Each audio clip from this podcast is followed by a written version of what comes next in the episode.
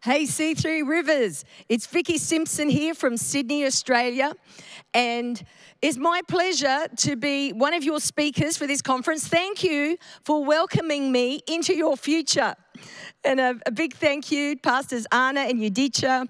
Um, I'm really excited about this word. And before I bring it today, I would love us to pray. So I just right now, if you just close your eyes and let's believe to hear from heaven. I'm believing that the Holy Spirit is going to speak and that you're not going to hear the voice of a woman, but that you're going to hear from Him. So, right now, I thank you, Lord. I thank you, Holy Spirit, that C3 Rivers are gathered here together to hear from you. They've set aside this time specifically to hear the prophetic word of the Lord. And so I pray right now, Holy Spirit, have your way and have your say in Jesus' name. Amen. Amen. I'd still rather be with you in person, to be honest. I'm missing the Netherlands. I'm missing my Dutchy friends. But it's, uh, it's great to be with you by the wonders of the internet. Look, today I want to uh, I want to start by reminding you of a vision I had in 2017. Some of you may be familiar with this vision. It's the full amplified version is on YouTube. I've shared small uh, snippets of this vision on social media. But for those of you who are not familiar with this vision I had, I'm just going to just give you a very quick summary because it's relevant to what I'm going to share today. And the vision I had was of the Lord Jesus with a Rubik's Cube. And he picked up the cube and he started to play with it. He started to move it. And I saw the, the, the parts of the Rubik's Cube were moving so quickly. It was just a blur of motion. And when he stopped, stopped moving the parts around, I realized that he had actually moved it in reverse to what I was expecting. So normally, you know, those guys who are the champions of Rubik's Cube solving, and in seconds they get it all uniform and all the same color. Well, Jesus had done it the opposite. And so it looked like this by the time he'd finished. It was all messed up. And then he put it down and he looked at it.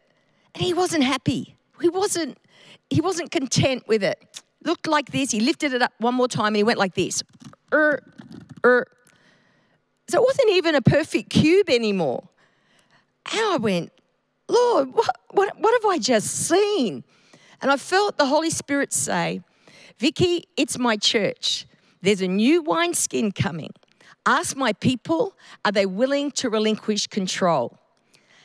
And so that was 2017. And then he went to uh, download a, a, a, whole lot of changes that were going to take place. Each one of these movements was a paradigm shift. Now, remember, that was a few years ago. And when this whole COVID crazy season broke out amongst us in 2020, I felt the Lord say to me, Vicki, the Rubik's Cube is in full swing. And so I believe we are in the midst of this season. It was amazing because a, a, number of people would come up to me and say, Vicki, this is the Rubik's Cube, isn't it? This is the Rubik's Cube. And now I didn't know that there was a coronavirus that was going to cause, you know, us to, you know, isolate and shut churches and not being able to gather. I had no idea. Um, I preached a message about the divine paradox, uh, if you remember, for your church last year. But uh, this is important for what I'm going to share today because I want to focus in on the paradigm shifts. The paradigm shifts. And I felt the Lord say to me that uh, He wants to equip you today to be reformers. Reformers. Um, that we are in a new era of reformation. That, that this this represents a new wineskin, but it's not just about new methods. Uh, I felt the Lord say to me that for 2021, that we would continue to pivot. So the word pivot has been you know, in our consciousness. It, we've just heard that word pivot so much in the last 12 months. But I felt the Lord say that 2021, we would continue to pivot, but it would not just be about pivots of, of method, pivots of the natural, like uh, pivots of what we do. It would also be internal pivots, pivoting what we believe. And and a, a, a, reformation. I want to look and lean into this idea of reformation because I believe that God is calling C3 Rivers to pioneer new paradigms. To pioneer new paradigms. Isaiah 43 19 says, See, I'm doing a new thing. Now it springs up. Do you not perceive it? See, I'm doing a new thing. God is the one who does the new thing. But I believe we are called to cooperate with the Lord. And, and churches, as the church, we are being called upon to work with God to usher in a new era. So I, I, I want to uh, talk about something called present truth. Present truth, because I believe as we are pioneering new paradigms. The church has been called. And I believe that C3 Rivers is going to actually have a key part to play in pioneering the new era, bringing in a reformation in the nation of the Netherlands. I don't believe it is, is just for Arnhem or for you know the areas, the locations uh, where you meet. I believe you are going to have an impact on the nation. And I, I feel impressed to talk about present truth present truth. So, what is present truth? First Peter chapter 1, verse 12 in the New King James Version says, For this reason, I will not be negligent to remind you always of these things, though you know and are established in the present truth the present truth. First Peter 1:12 in the Passion translation says, "I won't hesitate to continually remind you of these truths even though you are aware of them and are well established in the present measure of truth you have already embraced." The measure of truth you have already embraced. You see, present truth, it acknowledges that we receive revelation progressively progressively. And over time, a restoration of truth is restored that has been lost. Or a truth is revealed that has been veiled for a certain time in history, that's being held back for a time in history. So, let me give you some practical examples so you can get and capture this idea of present truth. Let's start with the probably the greatest example is that of Martin Luther. So Martin Luther, a Catholic priest, who, who received a revelation of salvation by grace. Romans 1:17 was lit up to him that the just shall live by faith. Now he was a Catholic priest, and back and back then they would um, they would be justified by their works. They, their revelation of justification was according to their works. It was according to the sacraments of the church. The sacraments. There were things called indulgences. They would would pay money for these indulgences would ensure that they would have less time in purgatory uh, before they actually relocated to heaven. And, and Martin, Luther had this encounter with revelation. The Holy Spirit opened his eyes to see that that was not true. The church believed it. That was, that was the, the, the, the understanding of the time. But Martin Luther's eyes were opened and he got the revelation of, of justification by faith. The just shall live by faith. We are saved. We are, by grace, we are saved through faith. Now, this was revolutionary. Now, for us, now, in the 21st century, uh, every Protestant, evangelical, Pentecostal church will believe this. Um, and, you know, even, even even though um, I'm not going to go down the road of uh, Catholic theology, but I know born again Catholics who would believe this. Still in the Catholic Church, but this is pretty common, is what I'm saying. This is present truth. It, you will not, you might disagree on a whole lot of things, but but 90% of, plus Catholic, uh, of, um, of Christians will agree that we are saved by faith. Okay. So Martin Luther wrote his 95 Theses in 1517, posted them on the door of the churches in Wittenberg, Germany. Today, he probably would have put them on social media, right? he, would have, he would have done some Instagram posts or a Twitter, a Twitter thread. And this revelation of one man birthed the Protestant Reformation. So, what was radical back then is accepted now because it's present truth. And when God opens the eyes of people to see what they haven't seen before, it's not that God is adding truth, that truth always existed.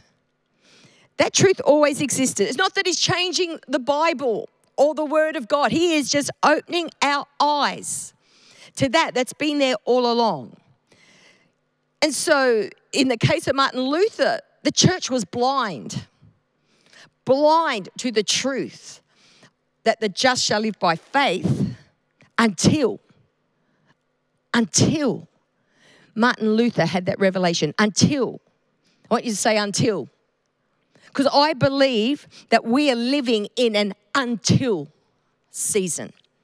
And until. That you're going to believe certain things until until, because I believe that there is a deluge, a downpour. I had a picture of like a, a waterfall cascading, strong and powerful, of revelation, knowledge coming from heaven. And so, another example would be in the 1600s baptism by immersion. I've been baptized by immersion, I've been christened as a baby first time. But then I believed, I got born again, I believed, and I was baptized. Full immersion.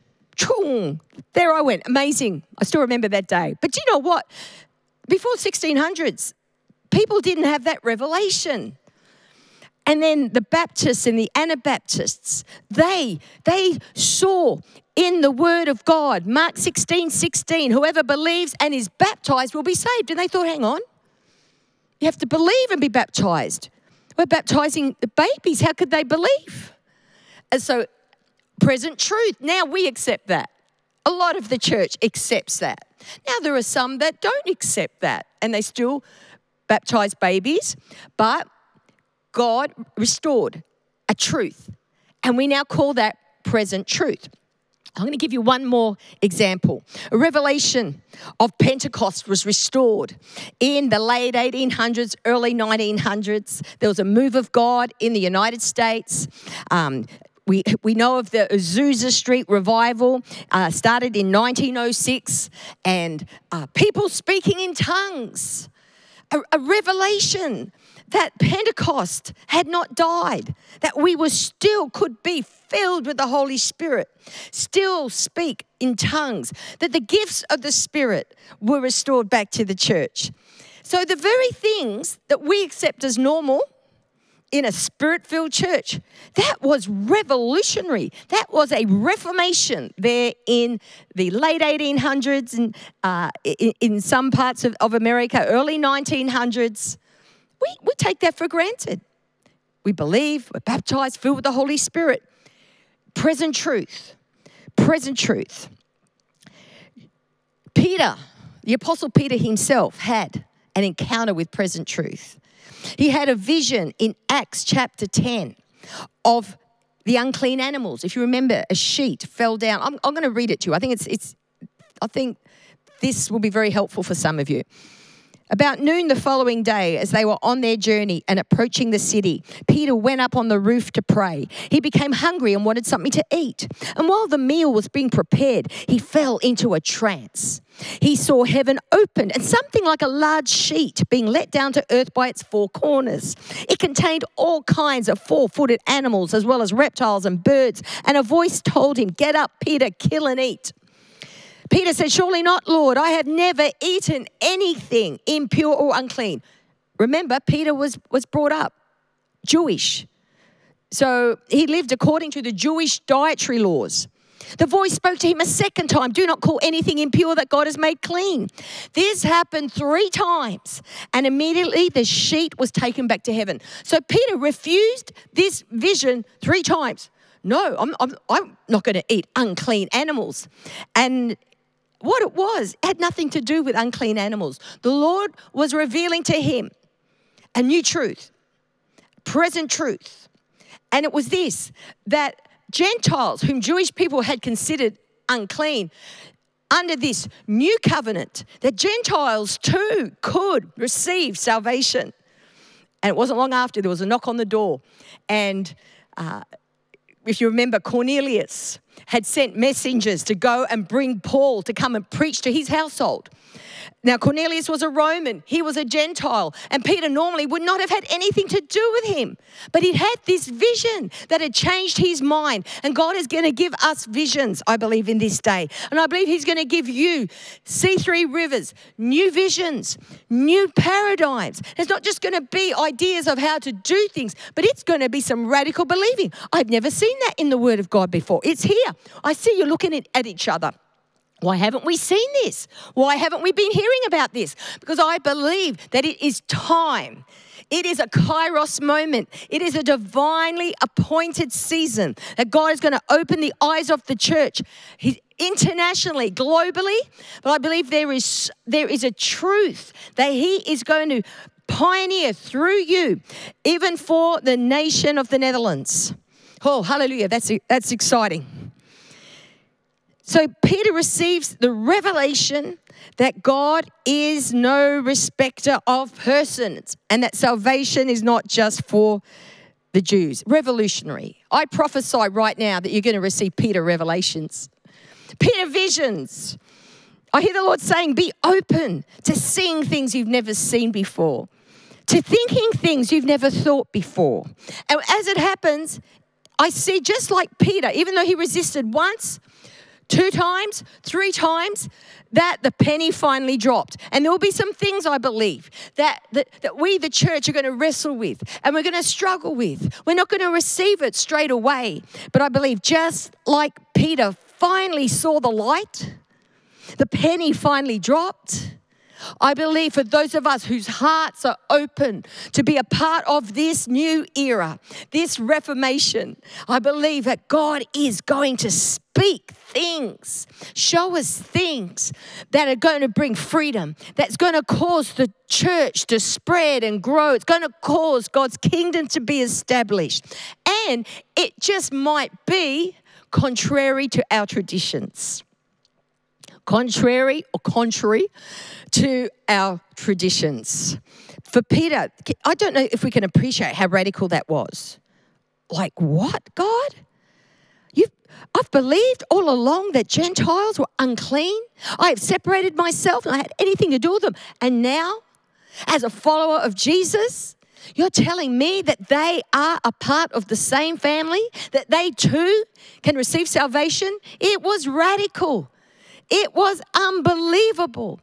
And I believe that there will be things that we think contradicts the word of God, but actually doesn't. There will be things that we currently think, oh no, that, that can't be God. But the spirit of revelation is going to come and open our eyes and to see and be restored in present truth. So God's word does not change. Let me just emphasize that. God's word does not change, but our understanding of it does. I mean, I've personally experienced this. When I was uh, born again, I was 19 years old, and the church that I attended, the Pentecostal church where I attend, went to youth group, was a very traditional Pentecostal church. And they did not believe that women could be ordained in ministry. They believed that only men could be apostles, prophets, evangelists, pastors, and teachers. Um, they did believe in the, the fivefold ministry, actually, but women and, and women couldn't have um, the same platform presence, the same platform voice that men could. And they had scriptures to back it up. They believed that not because they were chauvinistic or they decided to discriminate against women. No, they had a theology they had, uh, they had a, a revelation from their understanding of the Word of God. And then they started to get challenged. The leadership of that movement started to get challenged. And they started to look into it as a, as a leadership group. They started to study and they started to debate and they started to research. And they came to the conclusion and this was only in the 1990s, uh, mid 1990s, they came to the conclusion that, that God did use women And they realized that some of their understanding of the Word of God was actually not accurate. And God opened their eyes to see that women were called by God to be apostles, prophets, evangelists, pastors, and teachers. That God was not keeping women quiet in the church. Now, there are still some denominations and movements that still believe that. But I believe the restoration of present truth was that women were released to, to minister, to take their rightful place side by side, alongside of men, that one was not superior to the other, that the body of Christ was, was male and female. And we believe that. In C3 Church, C3 Rivers, we believe that. That, that women women have a function in the church that can be called to, to the ministry. We ordained women. I am an ordained minister. So I personally experienced a huge change, huge change when fresh revelation came. The word of God hadn't changed, but their understanding of it had. And I believe that we are, we are entering a season. I believe it's just, be, I believe it's just begun. I believe this season has just begun. It's just a trickle, but it's going to become a flood of revelation. It's going to come by the Holy Spirit from heaven, and our eyes are going to be open to new beliefs, new beliefs, building on the beliefs that have been revealed. Do you understand? We're not going to believe that Jesus isn't the Son of God. We're not going to hear what I'm saying. But I believe there are some things that have been held back for this time. I believe in 20 years' time, there will be, be some things we'll be thinking differently about. We'll, we'll, we'll, believe differently about some things. There'll be some, we, we say sacred cows in English, sacred cows that won't be sacred anymore. And there are some words and some spiritual concepts that we have believed a certain way, that I believe God is going to open our eyes to see it differently. There's some things that we have held precious that God doesn't actually value so much. I believe some of our measures and our metrics are going to change because we're going to realize why do we think that? Why do we believe that? Is that even in the Word of God? Is that, is that what God believes? And I believe Lord is going to bring great clarity. I prophesy great clarity to you, C3 Rivers. It's not going to come with confusion, it might come with some tension, it might come with, with some wrestling. But when God breaks through, just like He broke through with Peter, it's going to be clear. And receiving and acting on present truth is not automatic. It's not automatic. We need to be open and then when the present truth is revealed, we need courage to act on it. We need courage to act on it. And when we don't, when we don't, I believe one of the definitions of being religious is when we don't embrace and act on present truth. When we start to say, well, that's the way it's always been, or that's what I was taught, that when, when we cease to be open to, to new, from the Holy Spirit, we are in danger of becoming religious and beginning to die. And so today, I prophesy over you, C3 Rivers, that you would be carriers and bearers and champions of present truth. There's one thing I just want to um, throw out there because you might be thinking, well, Vicki, have you got any idea what kind of what kind of areas the Lord might bring change in. This is one thing I believe um, I encourage you to, to lean into, to start to consider. And it's this it's the body of Christ, the body of Christ. We've, we've focused on the leadership gift in the church for the last probably couple of decades, developing leaders, focusing on leaders. And it's been important and it's been powerful because that was a new revelation at the time. And we talk a lot about pastors and leaders, pastors and leaders, but I believe a day is coming. And, and our paradigm of, of the body is going to change. And we're going to see, we're going to see the body of Christ, not just the leadership gift, but there, there are other gifts There in Romans 12, there are seven gifts of the Holy Spirit. The body is the function of the body is expressed through seven powerful gifts. And, and leadership is expressed through five gifts the apostle, prophet, evangelist, pastor, and teacher. And I just believe, I'm just throwing that out there. I'm not going to go into that at length, but I believe that is one of the areas that God is going to open our eyes to, that there are ministers in our midst. That there are parts of the body that are atrophied, parts of the body that we've not trained and developed and affirmed and released. There are parts of the body, gifts that God is going to give us revelation as to how they fit, how they build the church, as well as the leadership gift, that these other gifts, the gifts of exhortation, of mercy, of giving, of serving. I mean, we, at the moment, we're looking at primarily leaders and servers, but there are only two gifts of the seven. And I believe God's going to give us some revelation on those gifts and on the body. And when everybody, see, Ephesians 4 says the body grows as every, every part does its share. Every. And God's going to open your eyes to the every, to the every. In Jesus' name. Amen. Well, I just want to pray for you before I finish today. You know what? That was fresh off, that was hot off the press. and uh, never preached this before.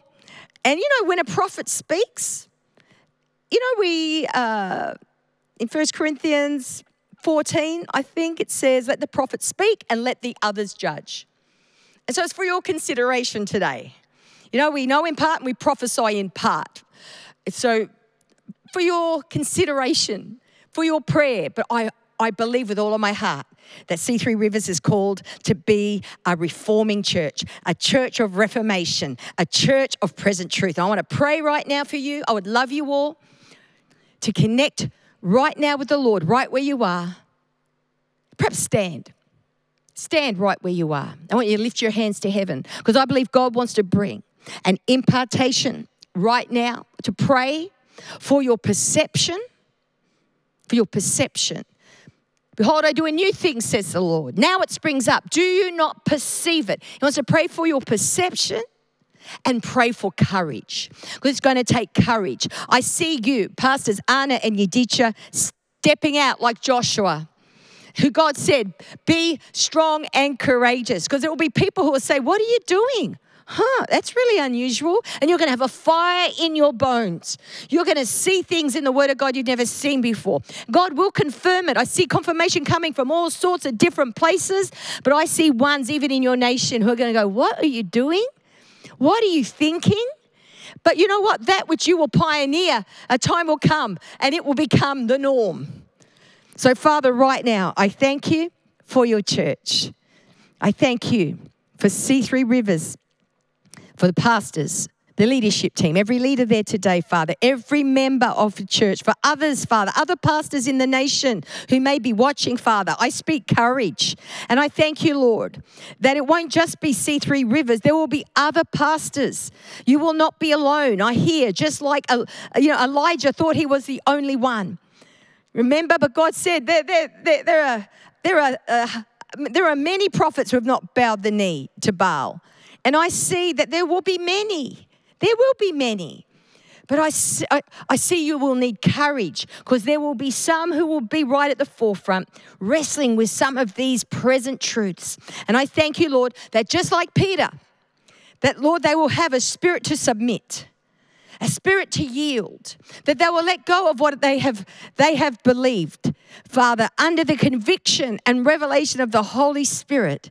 And they will see that this is going to unlock people. They will see that present truth will bring restoration of relationship with the Father. Present truth will bring salvation. Present truth will bring expansion. Present truth will bring freedom. I'm seeing present truth affirming people, people standing up taller. I thank you, Father, right now for the wonderful things you have in store for the future, the future of C3 Rivers.